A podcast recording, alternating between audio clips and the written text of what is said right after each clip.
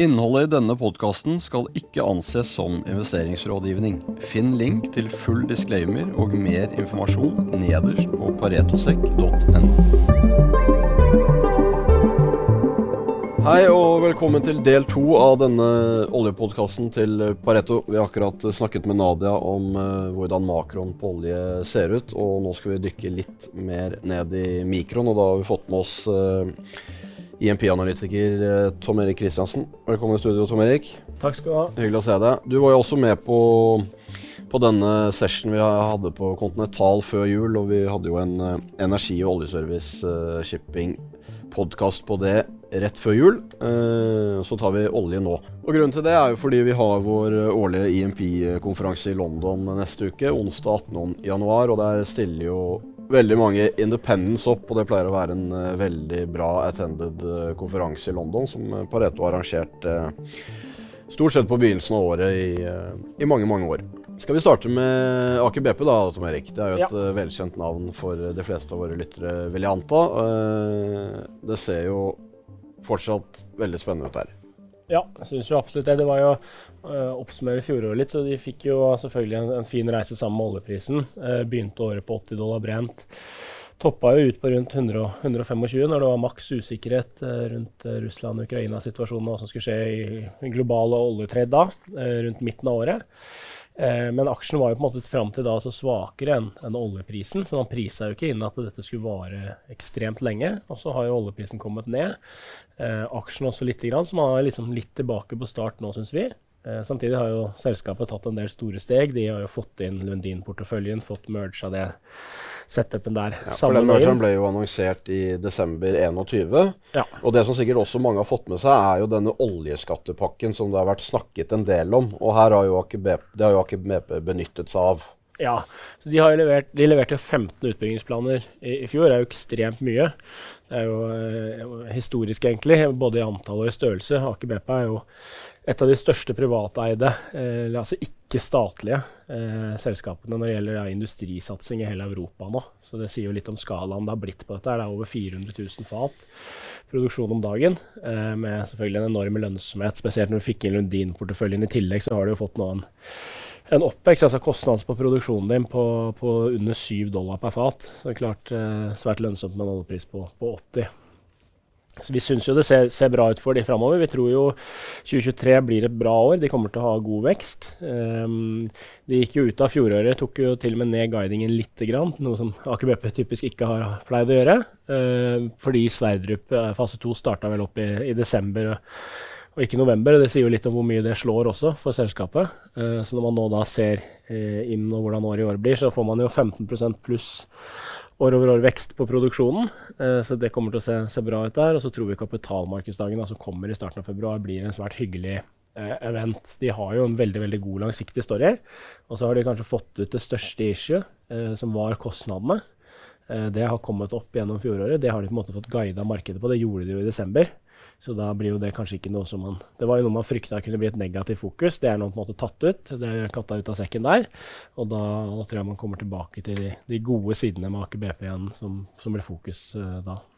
Det er nesten sånn at det har skjedd nesten litt for mye det siste halvannet året. For du fikk Lundin inn, det var mye Så tok det en liten periode. Og i forhold til uh, inkonsolidere alt det, og så leverte du en haug av utbyggingsplaner i fjor pga. skattepakken osv. Så, videre. så nå har du Det blir jo ekstremt spennende da, den, den, kapitalmarkedsdagen som du sier som kommer nå i februar, hvor du egentlig får presentert et helt nytt selskap. Ja, for du fikk jo egentlig aldri noen sånn skikkelig kapitalmarkedsdag i fjor. Eh, man satt jo og venta helt til sommeren med at dette her skulle offisielt uh, close, da. Altså at dealen ble sluttført sånn juridisk. Og, og, før det var det jo masse restriksjoner på de eh, rent juridisk på hva de kunne gjøre og ikke gjøre. Så de har jo ikke egentlig vært ute og virkelig lagt den store planen framover og presentert den um, før, før, nå. Så nå kommer det jo sikkert uh, mye detaljer på det, og, og, vi tror jo det kommer til, å, kommer til å se bra ut. Og vi tror jo at markedet kanskje er litt for redd for kostnadene, litt for redd for CapEx-programmet. De skal jo investere voldsomt i disse 15 prosjektene, som sagt. Det skal levere 30 vekst fram til 2028. Så dette er et oljeselskap som har en langsiktig organisk vekststory. Det er ikke mange av de uh, igjen. Uh, og de, det, det, krever selvfølgelig en del investeringer. Du kommer til å se CapEx-tall uh, på over 4 milliarder dollar i året i, flere år på rad. Men etter skatt så blir jo det beløpet mye mye mindre. Da. Det tror jeg er svært viktig at folk, folk får med seg, for da gjør det, gjør det mye greiere å finansiere det, rett og slett. Så det, det, er en viktig, viktig del for de. Eh, og så kommer de til å ha, ha sterk kontantstrøm gjennom året i år, eh, også drevet av den, den, høye veksten som nevnt, og, og, at du har svært lav kost. Altså du har en veldig veldig robust på å bygge på her. Um, så syns vi heller ikke prisingen er, er, noe ekstremt krevende. Når du kan kjøpe dette her på en run rate PE på rundt, rundt 6, så syns vi det er, er, en attraktiv mulighet. Et av få selskaper vil jeg si på Oslo Børs som har en unik global competitive advantage altså i en global industri. og Det er jo kostnadssiden og posisjonen de har fått seg på norsk sokkel. De er jo nå soleklart nummer to etter Equinor, eh, med en stor portefølje eh, med veldig, veldig mange attraktive assets. Så tror vi også utbyttet kommer opp. da De betaler ut utbytte på rundt 7% i dag. det kommer nok også til å kunne steppes opp. De tjente jo godt med penger gjennom hele fjoråret, når oljeprisen var snitta på rundt 100 dollar per fat. I løpet av uh, fjoråret så fikk vi også et nytt uh, selskap på Oslo Børs. Og det er jo Vår Energi. Og de har jo litt mer gasseksponering enn det Aker BP har. Ja. Aker BP er jo litt sånn enkelt sagt olje. Um, det er 10 gass, ja. sånn give or take. Uh, mens i vår så er det jo mer på 30 ja. Der har det jo vært eh, Det var jo en volatil uh, ferd, ikke bare for uh, de underliggende kommoditiene, da spesielt på gass, men også for vår. For de ble jo da børsnotert i februar. som egentlig ble en perfekt timing i forhold til det som skjedde. Og så hadde jo ble jo, endte de jo året med litt kostnadsoverskridelser på Balder og, og litt negativ støy, egentlig. Ja. Det var jo en, en, interessant reise for de egentlig. Børsnoterte jo på, på, 27 kroner, og aksjen toppa vel eh, ut rundt 45, så det var jo lenge en, en veldig god reise der. Men de leverte jo eh, egentlig ikke helt som vi hadde håpet på, på det operasjonelle.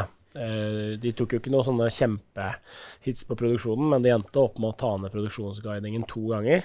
Det er jo alltid litt sånn lite heldig å ende opp der, så det burde helt sikkert vært litt, litt mer contingency i den uh, guidingen i utgangspunktet. Um, og så har det jo Balber X, som har blitt veldig mye dyrere. Det er ikke det første FPSO-prosjektet man har sett det på, men, uh, men, det er klart det er komplisert å ta en enhet som har stått i Nordsjøen i 25 år, i, i det været og de forholdene som er der, inn til land og skulle kalle pusse opp alt det og sette inn nytt utstyr. Men, uh, men det er klart der har kostnadssprekken etter hvert blitt enorm. Da. Det har jo gått fra å skulle koste 20 til, til nå 40 milliarder kroner. Så det var negativt, og det er jo selvfølgelig kjedelig for selskapet og, og, og, kjedelig for aksjonærene. Eh, men da har man på en måte fått en god del sånne negative ting ut. Og, og forventningene er også satt kanskje litt lavere enn, enn før. Så vi tror jo at risk rewarden sånn sett er ganske fin her nå. Um, det andre tingen du kan si, og som var selvfølgelig mye av driveren for den oppgangen tidlig i år i fjor, var jo ekstremt høye gasspriser. Som gjorde at selskapet tok opp utbyttet sitt hele tre ganger. Så de har jo betalt veldig veldig gode utbytter. Har jo utbyttegild nå, basert på det siste utbyttet de betalte, på 14% som, som jo er ledende selv i, i denne industrien her, da, hvor det er høye utbytter og, og relativt lave multipler på prisingen. Um, så vi syns jo at aksjen er spennende, og at det er på tide å kanskje gjøre en sånn valuation call, selv om det ikke er åpenbart at det akkurat når dette skal kalles snu, og når sentimentet skal bli mer positivt, så, så føler vi jo liksom på P5. Uh, og free cash will de neste tre årene på, på, over 20% per år. Så det betyr jo at mens du da skal vokse, for det gjør jo faktisk det selskapet her, de skal vokse rundt 50 De er jo med på Castberg, som Equinor opererer, Breida Blikk, som Equinor opererer, og så har de jo Baller Excel, så tre store prosjekter.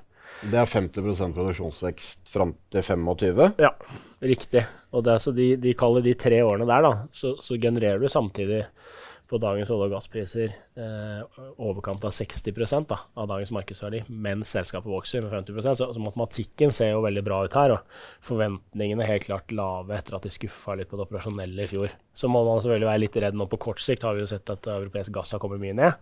Det kan jo lage, legge litt press på aksjen her også.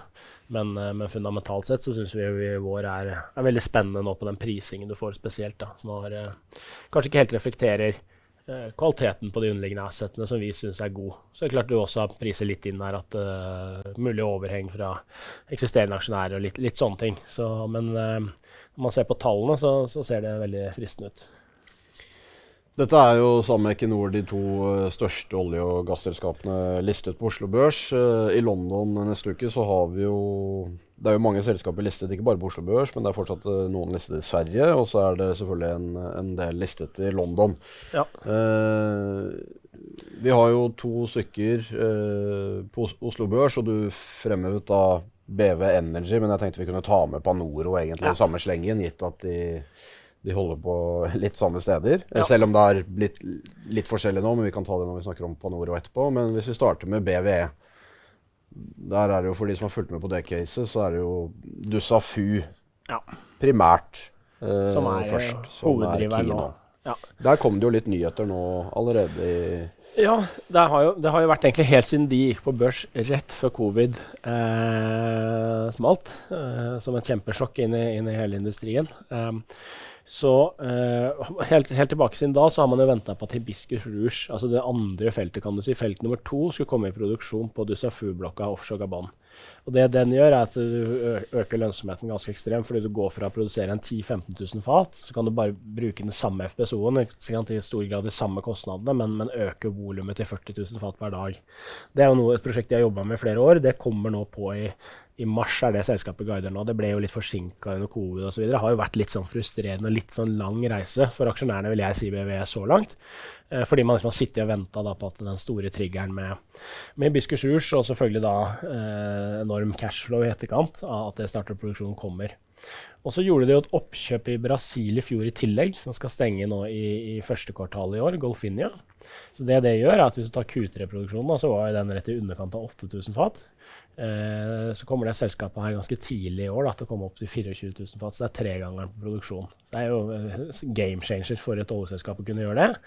Og så ser vi da også at Typisk så er jo ting som ikke er i produksjon, verdsatt mye mye lavere enn en produserende felter.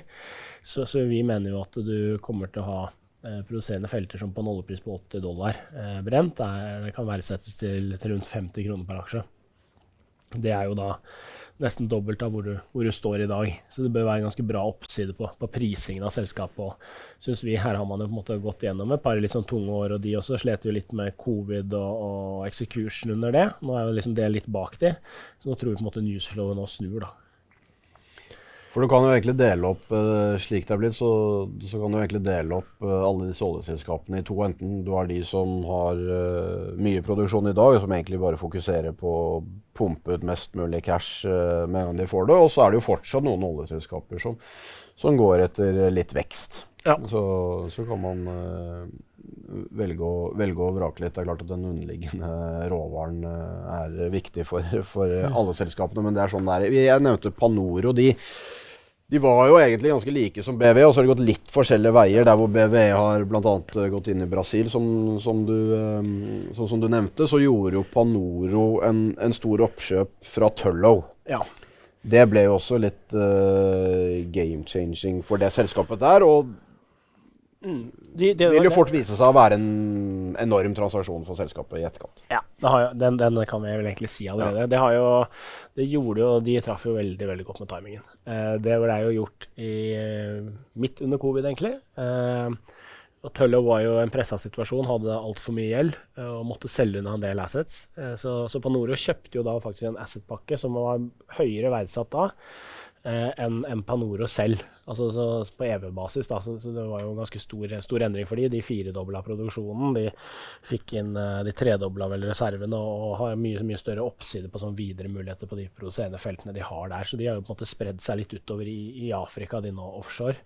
Eh, og det er en transaksjon som har betalt seg tilbake allerede. Så det er jo nesten litt sånn komisk å tenke på at du kan kjøpe her assets som skal produsere i 10-15-20 år til, skal, skal, de feltene produsere, og de har allerede tatt ut, fått igjen det i cash de, de, investerte når de kjøpte de. Så det har jo vist seg å være, være kjempebra for, for, Panoro. De er jo også i en vekstfase. De drar god nytte av Adusafu, som nevnt her. Og så får de også bora en god del mer på disse eksisterende feltene de har. Så de har virkelig, virkelig levert og, og, klart å benytte eh, Kall det nedturen til å vokse betydelig. da. Så de, de var, jo, var, vel de som kanskje Jeg vil jo si det kanskje er den beste transaksjonen som ble gjort under covid på oljeselskapssiden. Ja, De sa vel også på Q3 at de skal begynne å betale utbytte nå allerede når Q4-rapporten eh, kommer. Ja, så får riktig. vi litt mer nyss om det. Det er jo ganske utrolig. altså Panoro har jo gått fra liksom for noen år siden å være et selskap med noen få hundre fat i produksjon og en ganske sånn usikker framtid, til nå da blir jo da en uh, dividend payer, da, som man sier. Det er jo et nytt sånn milestone for de selvfølgelig å komme inn i den kategorien. og Vi tror jo fort at de kan komme til å gjøre mer M&A framover òg. Vi, eh, vi, skal jo en tur til London i neste uke, både med Nadia og Tom Erik og meg selv. Så da har vi, er vi på plass med en del nye selskapspodkaster. Så dette var en liten, uh, liten, smakebit med stort sett de norske navnene. Og så skal vi adde, adde et par uh, som er listet uh, andre steder neste uke. Så det, det, gleder vi oss masse til. Så jeg håper at folk følger med og fortsetter å følge oss også i 23. Det kommer mye interessant framover. Takk for at du tok deg tiden, Tom Erik. Så høres vi neste uke. Takk skal du ha. Vi minner om at denne podkasten ikke inneholder investerings- eller annen type rådgivning. Handel i verdipapirer medfører til enhver tid risiko, og historisk avkastning er ingen garanti for fremtidig avkastning. Pareto Securities er verken rettslig eller økonomisk ansvarlig for direkte eller indirekte tap, eller andre kostnader som måtte påløpe ved bruk av informasjon omtalt i denne podkasten. Finn link til full disclaimer og mer informasjon nederst på paretosek.no.